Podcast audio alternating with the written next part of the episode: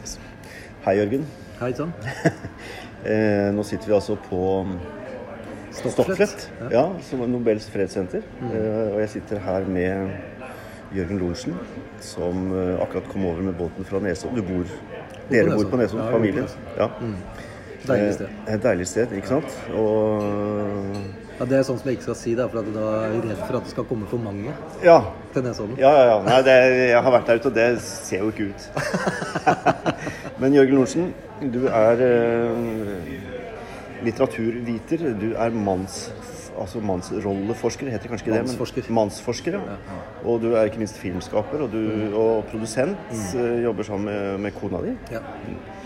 Det er hun som er filmskaperen, da, pleier jeg å si. Mm.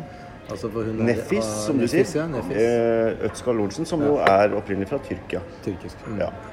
Og vi har jo hatt besøk av henne tidligere, bl.a. i Moss med Platons hage og hennes filmer om progressiv islam. Kjempespennende. Fantastisk. Det var sånn jeg oppdaga henne. Veldig viktig. Med de filmene som er ja, utrolig viktige filmer. Og, men deg har jeg faktisk eh, Jeg mener at jeg så et Og det er lenge siden. altså et, En eller annen dokumentarprogram kanskje på 90-tallet om mannsrollen som du var med på NRK. Det kan nok stemme. Kan nok stemme. Tror jeg var første gangen. Og så møttes jo vi for første gang på filmfestivalen i Tromsø i fjor. Da Riktig. din fru Nefis og jeg var i jury. Samme jury. Og hadde det veldig hyggelig, hørte jeg. Ja, jeg føler kanskje at, jeg, at vi kanskje hadde det vel, litt vel hyggelig. Altså i forhold til at det var mye Det, er et, det var jo noe alvorlig altså, Det var jo et alvorlig tema å kåre den beste filmen som, er, som handler om faith in film, altså tro Ja. i film. Men, men eh, det var utrolig spennende og veldig mye mye humor underveis i lange samtaler, og vi så jo film eh, ja, altså Hvor mange filmer så vi i dag? Men fryktelig spennende. Nå er det ja, Grunnen til at eh, vi nå sitter her og prater, er jo at eh, jeg nå har fått overlevert eh, filmen som skal vises i Moss Du har fått en DCP nå. DCP, som skal vises på Odeon i Moss kino neste uke. Torsdag 5. i 3. klokken 21.00. Det er en gratis filmvis filmvisning for publikum. Og filmen heter En gave fra Gud. ja, 'A Gift from God'. Ja. Og, det, og det hele greia her er jo at du og din eh, Altså og Nefis, Nefis Mm. eh, var i Tyrkia på ferie da, kuppet Kuppforsøket, må vi kanskje si. Si, eh, skjedde. Så dere ble rett og slett øyenvitne Ja. til eh, hele affæren. Dette skjedde jo ganske seint på kvelden. Mm. Jeg husker det. Og vi sitter familien sammen og får beskjed om at det er noe på gang. Ja. Og, og så Dere var i Istanbul, ikke sant? Nei, vi var utafor Istanbul. Ja. Vi var på feriested. Ja. Eh, men, eh, men, så det vi gjør, er at vi samles sammen med mange venner og familie. Mm. Og blir sittende og se på fjernsynskanaler. Direkteoverføringer fra de forskjellige kanalene. Ja. Um, det som skjer fra et sted jo, som vi kjenner veldig godt, i Ankara Det skjedde jo hovedsakelig i Ankara og Istanbul. Eh, De forskjellige hendelsene som ble vist da, ikke sant. Med, og det viktigste var jo på broa over Bosporos. Ikke sant? Bosporosstredet mellom eh, Marmarahavet og Svartehavet. Eh, stort eh, trafikkert stred, viktig strategisk stred. Ikke minst for Russland også. Broa over der, som er kjent bro, det er eh, fredag kveld, midt i rushet, eh, når det er stappa med trafikk, så sperrer militæret plutselig den ene veien Ja. over, og det er da det på en måte Det er da det begynner å skje. Og så Først så skjønner ikke folk helt hva som skjer, og så får vi beskjed om at det blir vil være dette gikk jo direkte på TV. Jeg husker ikke hvilken kanal jeg satt og så på, men jeg ble sittende og se på utover natta. Ja. Det gikk jo direkte om det var BBC eller hva det var. Det gikk direkte på TV. Ja. eh, Og det fascinerende, noe av det som vi opplevde som veldig veldig fascinerende, det jeg lurer på når vi fikk beskjed om at det er et kuppforsøk, det er jo hvem står bak dette kuppet. Ja. Ikke sant? Og i løpet av hele natta når vi sitter og følger nøye med, i alle de tyrkiske kanalene, for vi sitter jo mellom de forskjellige tyrkiske kanalene, for de har litt forskjellige perspektiver og tilhører litt forskjellige fraksjoner innenfor det tyrkiske politiske regimet, er jo at det ingen steder får vi vite hvem dette er. Det er aldri en kuppmaker som viser ansiktet sitt i løpet av hele natta. Det er ingen personer som står fram og sier det er vi som står bak dette kuppet.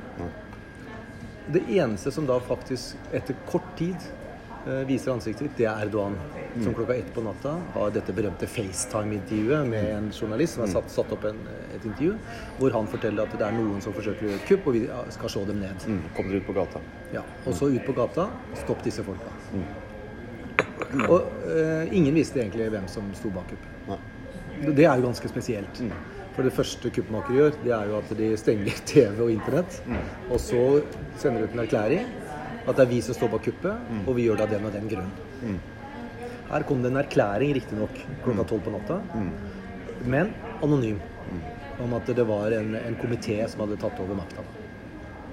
Som sto bak dette kuppet. Men ingen, ingen mennesker. Veldig spesielt. Veldig spesielt. Og det var jo ikke fryktelig mange timer eh, det varte før det ble slått ned. Så det starta ca. kvart over ni på kvelden. Ja. egentlig da, da de begynte å sperre broa på Bosporo. Så da sendte de ut noen militære til forskjellige andre strategiske steder. Veldig få, egentlig. Altså, husk på Bosporo, Når de stenger den ene broa, så er det to tanks. eh, 40 Ikke soldater engang. Det er kadetter.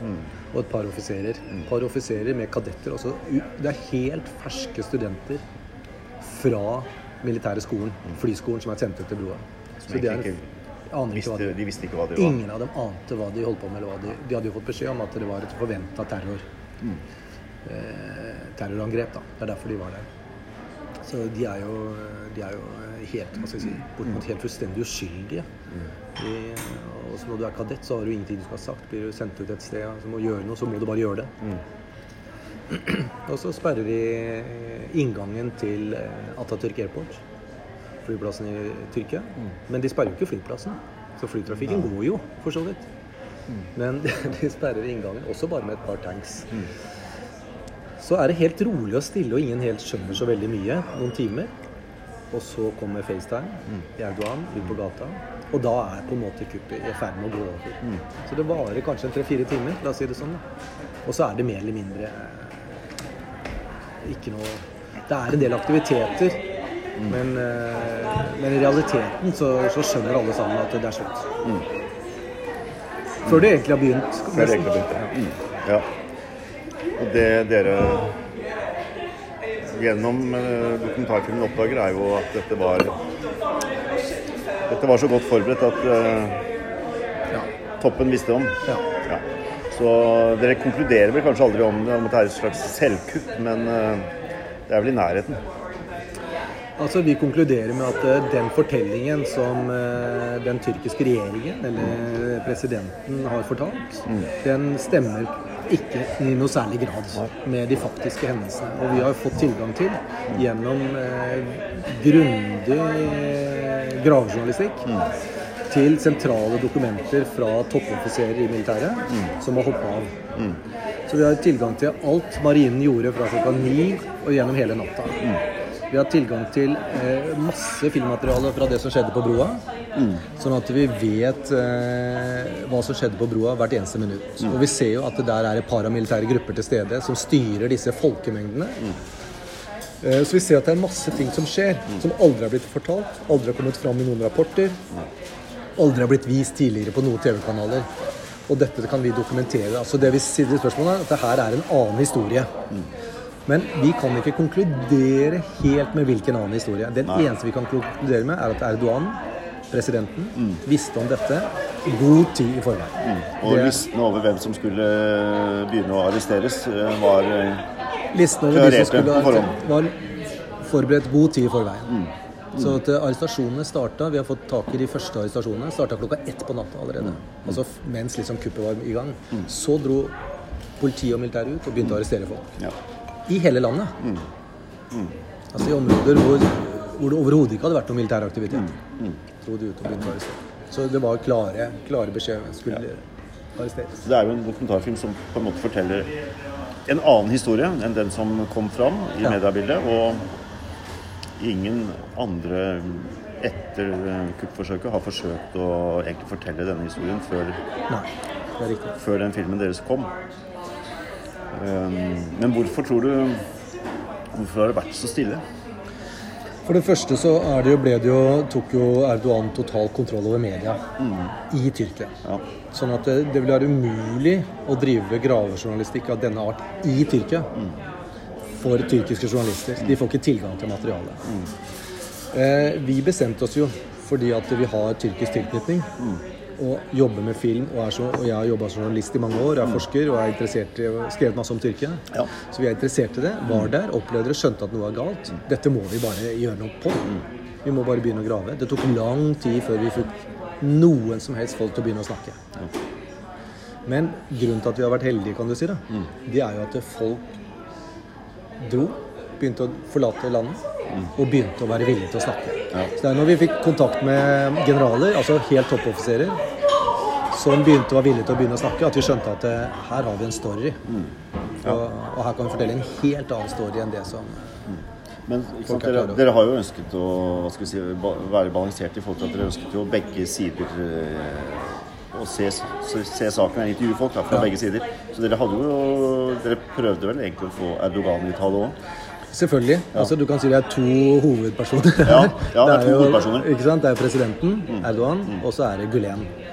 Fetullah Gulen, som beskyldes for å stå bak kuppet. Ja, så begge i- disse jobba vi jo lenge for å prøve å få intervju med, begge to. Ja, og som sitter beskytta av USA. Han sitter i USA. Eh, ikke sant? Og gjort det lenge. Han dro ut til USA allerede i 99, for han ble da anklaget for å skulle ønske å gjøre et statskupp Mm. i 99. Ikke sant? Og da ikke av Erdogan, men da av kemalistene. Ikke sant? Av de andre, da. Ja, for eh, disse to var jo gode busser i, i lang tid. Erdogan og Gulen jobba sammen i, i hvert fall i ti år. Ja, ikke sant? Eh, Og Erdogan hadde aldri kommet til makta uten Gulen. Nei. For eh, Gulen hadde Ja, Åssen hang det sammen? Fordi at Gulen har operert i det tyrkiske systemet i lang tid. Og han har eh, mange tusen følgere. Eh, Han er på mange måter en predikant. Ja. Litt sånn folkepredikant. Men populær. Og har bygd et nettverk, stort nettverk i Tyrkia. eh, Som er omstridt. Kontroversielt. Eh, Men det gjør at han har mange velutdanna men, men det han er kjent for, er at han har bygd skoler. Men du kan si at gjennom de skolene så får han jo også tilhengere. Folk som støtter ham. Så han hadde tusenvis av velutdanna folk. Som Erdogan, som kommer fra, eh, fra gata her, snart sagt. mm. Var en aktiv, smart politiker, retoriker. Trengte jo, når han kom til statsdannelse, så trenger han jo folk som kan gå inn og, og ta jobbene. Så det var en smart allianse, kan si. da. Så han putta jo gulenister inn i statsposisjonene, og fikk sjøl styre eh, maktapparatet. Ja. Og de jobba godt sammen, kan du si. Men eh, det var noen gnisninger her hele tida. For det første var jo Gulen i USA. De møttes jo bare noen få ganger. Erdogan styrte landet i, i Tyrkia, og Erdogan har nok lenge Det fins noen få dokumenter som viser at Erdogan lenge egentlig har ønska å kvitte seg med Gulen. For han så jo på han som en trussel, makt, eh, ja. trussel mot makta hans. Det sies jo at, eh, at eh, Selvfølgelig også før kuppet, men også etter kuppet, at, at det tyrkiske folk er splitta sånn ca. 50-50. Er, det, er, det en, eh, er det en riktig Altså De som støtter Erdogan, og de som på en måte er i, i opposisjon på en eller annen måte, da. Er det, er Altså, det det så, så delt? Ja. det? Mm. Altså, Erdogan har vunnet valg etter valg med 51% sikkert. Ja, ja, ikke sant. Det er så close. det er så close. Og, Og, tapte han jo Istanbul. han har vel sikkert hatt litt hjelp eh, til å få det å bli akkurat 51 Ja. i noen av disse valgene. Ja. Men det er jo i hvert fall hele tida vært land, da, det er et splitta land. Men det er et splitta land kanskje i hovedsakelig tre deler. Ja. Du har eh, vest, som er eh, det mer europeisk orienterte. Mm. Eh, Det som ofte kalles for kemalister eller verdslige folk. Mm. Altså som eh, ikke støtter De er, de er sosialdemokrater. Støtter sosialdemokratiske partiet der nede. Har gjort det alltid. Mm. Og så har du Midt-Tyrkia, som er mer religiøst. Mindre utdanna. Eh, og er hovedsupportergjengen til Erdogan. Ja. Og så har du ty kurderne i øst. ja. Og kurderne stemmer litt forskjellig. Så de stemte jo, de, på Erdogan. ja. Eh, fordi de er mer religiøse. Ja. Og han kom med et religiøst eh, budskap. Så de stemte jo på Erdogan til å begynne med, mange av dem. Men de har forlatt han da etter at det ble fornya krig mot kurderne. Så har jo kurderne nå forlatt Erdogan. Og har sitt eget parti. Altså, Tyrkia kjennes jo, ikke sant? det er jo et ferieland for veldig mange, og fantastiske steder. og Istanbul jeg har jo vært der, og det er jo, det er jo, et, eh, det er et eventyr, dette møtet mellom øst og vest, som jo er eh, altså med, med en historie som er Tyrkia har egentlig alt. Har alt. Og, men så tenker jeg også, som mannsforsker, da, at det er jo et eh, de dyrker vel maskulinitet eh, altså, eh, Bare tenk på fotballklubbene. eh, De store fotballklubbene. Og jeg eh, var på et av de mest kjente tyrkiske badene. Nå husker jeg ikke hva det heter, men det, men det var sånn, det var sånn uh, skrytetavle i starten her med, med alle kjentfolk som hadde vært der i historien. Om det var keiser Wilhelm opp til uh, ikke minst Karev. Altså det, det, det var bare kjendiser, men det største oppslaget i- ved inngangen her, det var også VG-klipp av Karev og diverse når han eh, herja i uh, Herja der som fotballspiller. Og, mm, så den sterke mannen, da.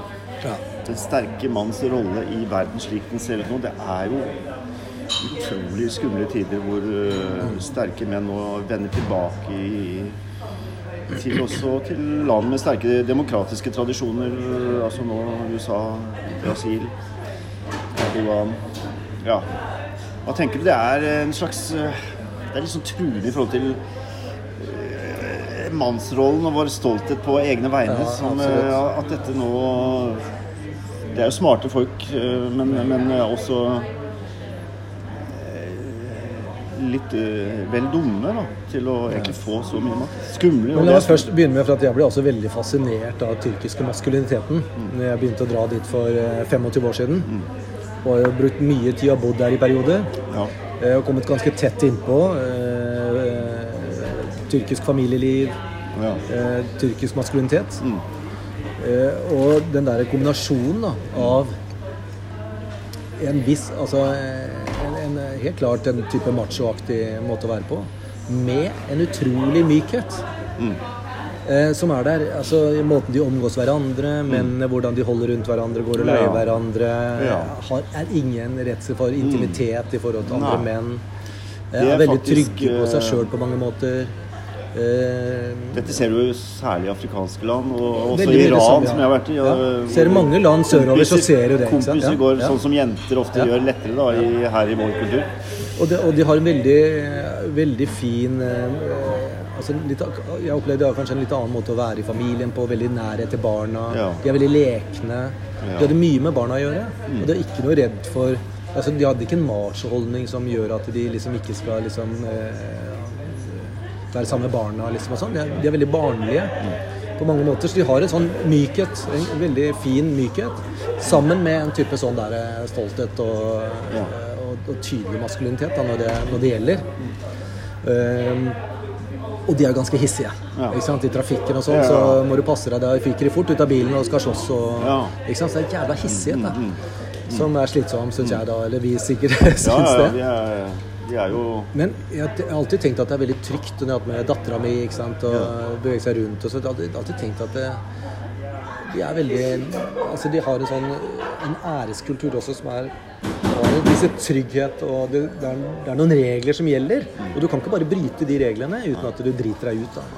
Så det, er, det er- så det er en sånn dobbelthet der. Og det er jeg har vært på flere fotballkamper, det er jo fascinerende. Det er jo helt vilt, Ja, jeg har ikke vært på kamp det er jo helt vilt. Jeg husker, jeg husker jeg var og så så eh, altså eh, rekrutteringskamp, eller kvalifiseringskamp, kvalifiseringskamp, mellom Bodø-Glimt og Besjiktas i Istanbul. Ja. Det var like etter at det har vært slåsskamp for eh, Da var det vel eh, Derby eh, som hadde, hvem, eh, Nå husker jeg ikke hvilket eh, engelsk lag som hadde vært der nede. Og spilt. Mot eh, Ikke mot uh, Besjiktas, men mot et annet eh, Galatasaray eller eh, Eller Fenebache, husker jeg ikke. Men der har det blitt slåsskamp etterpå. Men der var det jo engelskmennene som hadde provosert fram en situasjon. Og det har blitt voldelig, og to av engelskmennene har blitt drept i de slåsskampene. Så dermed så fikk ga Fotballforbundet beskjed til Bodø-tilhengerne at de fikk ikke lov til å reise. Så det var jo ingen norske tilhengere av Bodø-Glimt på den kampen. Så hele den der svingen som var avsatt til Bodø-Glimt, den var tom. Og så kommer jeg, dønn blond, som kanskje den eneste nordmannen på tribunen. Ja. Og da skyndte jeg meg å kjøpe et Besjiktas-skjerf eh, med en gang rundt halsen. Og jeg sitter jo sammen med Besjiktas-fansen, for jeg er sammen med min familie der nede, da, som er Besjiktas-fans. Ja. Så de har kjøpt billetter til meg, og vi er der. og ser. Ja. Men det jeg husker da fordi at der begynner de å synge når kampen begynner. Og de synger 90 minutter gjennom hele kampen. Det er enorm liv, enormt trøkk. Da står disse stakkars Bodø-Glimt-gutta nede på banen, og de står og kikker like mye opp på tribunen som de kikker på ballen når de holder på å sparke. Jeg tror, de, altså, de har jo aldri vært der ute før og spilt den type kamper. Ikke sant? Og kvalifisert seg til en sånn type kamp. De var jo fantastisk å se! De var jo bare overveldet av det trøkket og den stemningen. De kan ikke høre hva de sier eller noen ting. ikke sant? Nei, det var en sterk opplevelse. Altså. Det er vanvittig. Så det er, eh, men tilbake til det spørsmål, hovedspørsmålet ditt. Ja. Det er jo trist å se verden. Ja, det er jo det. Jeg må si jeg syns det er veldig veldig trist. Og det er jo ikke bare trist, men det er farlig. Og farlig. Når Når makten sentreres rundt sterke menn som faktisk eh, virker eh, kunnskapsløse og i hvert fall eh, uten skrupler. Ja, uten skrupler er de. Uh, og noen av dem er kunnskapsløse også. Kanskje den som er nærmest oss, er, er relativt ja, det kunnskapsløs. er noe ja. Men, men det, det for meg, da, ut fra et sånt mannsforskningsperspektiv, så må jeg si at jeg, jeg skjønner ikke Altså, moderniteten har holdt på i lang tid og prøvd å utvikle det, altså forståelse av demokrati, ytringsfrihet, eh, likhet mellom kjønnene, ikke sant? likestilling. Altså, det er, det er, dette er en kamp som har pågått i tiår. Og hvorfor ser vi et sånt behov for det der. Folk uttrykker det direkte også i Tyrkia også. Vi trenger den sterke mannen. Hvorfor er det så et jævla behov for en sterk mann til å lede disse statene? Vi trenger ikke det. Tvert imot, vil jeg si. Tvert imot. Så må vi unngå å velge sånne sterke har- mann. Og Erdogan Ja. selger seg jo inn som den sterke mannen som skal forsvare Tyrkia mot øst og vest og nord og sør. Ja. Løfte Og han på kjører beinhardt på det i talene sine. Og du skal se han når han kommer inn og skal holde sine Han reiser rundt og holder taler for folk. Masseforsamlinger hele tida. Han rusler fram og tilbake på scenen som han er en popstjerne. De hyler. Ikke sant? Når han Ja, kommer. jeg har sett det. Jeg har sett det. Og det er helt sjokkerende. ikke sant? Men øh, ville, ville en kvinnelig politiker hatt en sjanse i Tyrkia? Øh, altså, er det noe rom for å komme fram som kvinnelig politiker og utfordre?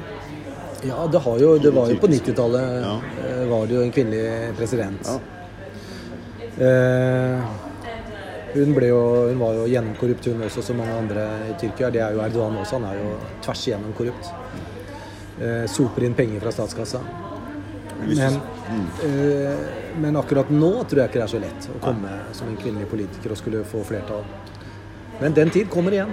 Jeg syns jo ser et av de trekkene som Tansu Schiller het hun som var da satt eh, som president et par, eh, par år midt på 1900-tallet. Men 90-tallet var et kaos i tyrkisk politikk. Hvis du ser på arabiske våren og alle disse sterke strømmene, så er det veldig mye sterke kvinner som står bak og har løfta det opp. Og kommer hit og får Nobels fredspris, og du har kvinnelige representanter Ja. Fra andre kulturer i Norge som kanskje er de mest toneangivende for å utfordre disse systemene fra egen kultur og tradisjon. Så der ser du jo jeg, i hvert fall, Det er mulig at jeg er blind, men jeg syns jeg ofte ser kvinner i den rollen til å utfordre egen tradisjon og kultur eh, både her og veldig mange av de stemmene som kommer fra østover. da. Helt, eh, helt åpenbart. Så, så det er jo en eh, Det må jo ulme et eller annet under som utfordrer dette Det er systemet masse, fremover. da. masse som ulmer i Tyrkia også. Og det er jo det er jo danna Jeg husker, jeg husker ikke farta hva hun heter, men det er jo danna et nytt politisk parti i Party. Det gode parti. Med en kvinnelig leder. Så det er, jo, det er jo sterke kvinner, veldig sterke kvinner i, i Tyrkia, og som helt sikkert vil bygge seg opp og få makt og innflytelse.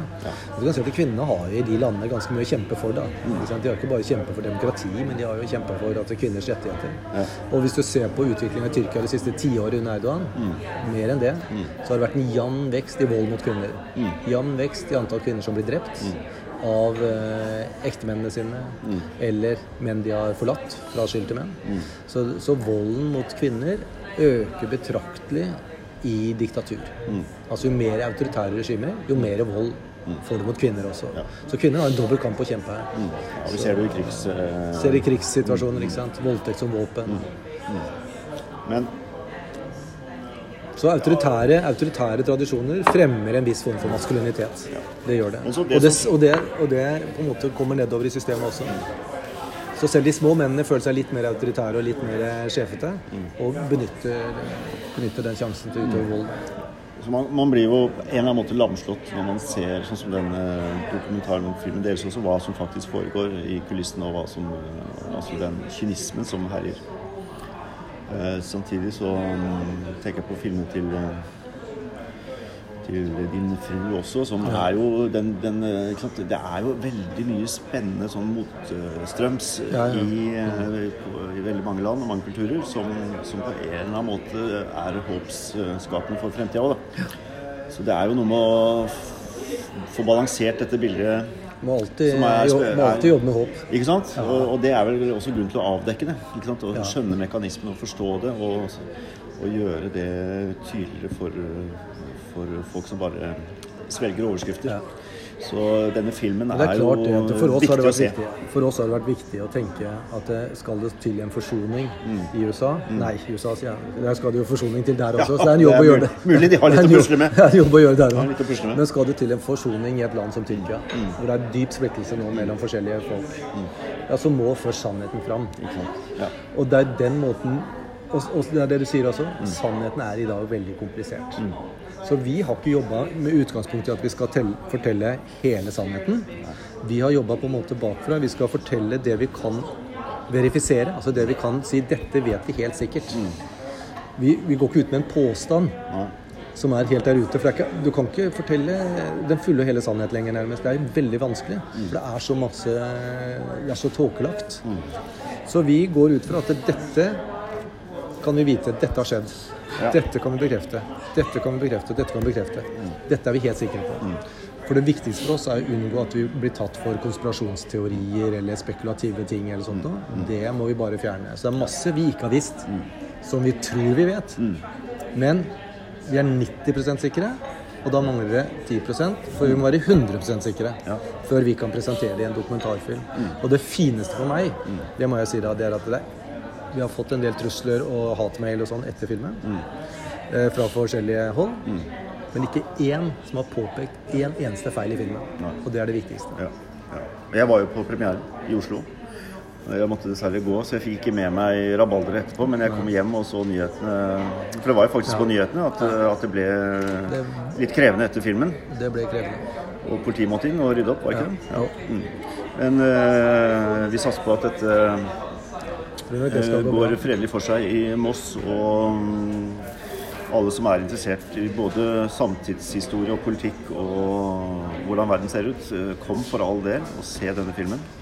Eh, kan du bare si det, Dette er en del av det Platons hage-konseptet vårt. Og klokken syv samme kveld så kommer altså forfatter Sylo Taraku, som har skrevet boken som heter 'Frihetskamp i islam'. Det er klokken sju på biblioteket, gratis og åpent for alle. Og så da, når det er ferdig, så er det nokså rett over i filmen klokken ni i samme bygg, da, Odeon, på kinoen i Mås. Og du kommer og introduserer filmen. Og du vil også være til stede for å kunne ta spørsmål spørsmål og kommentarer Ja. etter filmen. Ja, det Det er jo en sterk film, og, og fantastisk viktig at dere gjorde det. Takk. Og gjorde denne filmen. Så herved, velkommen.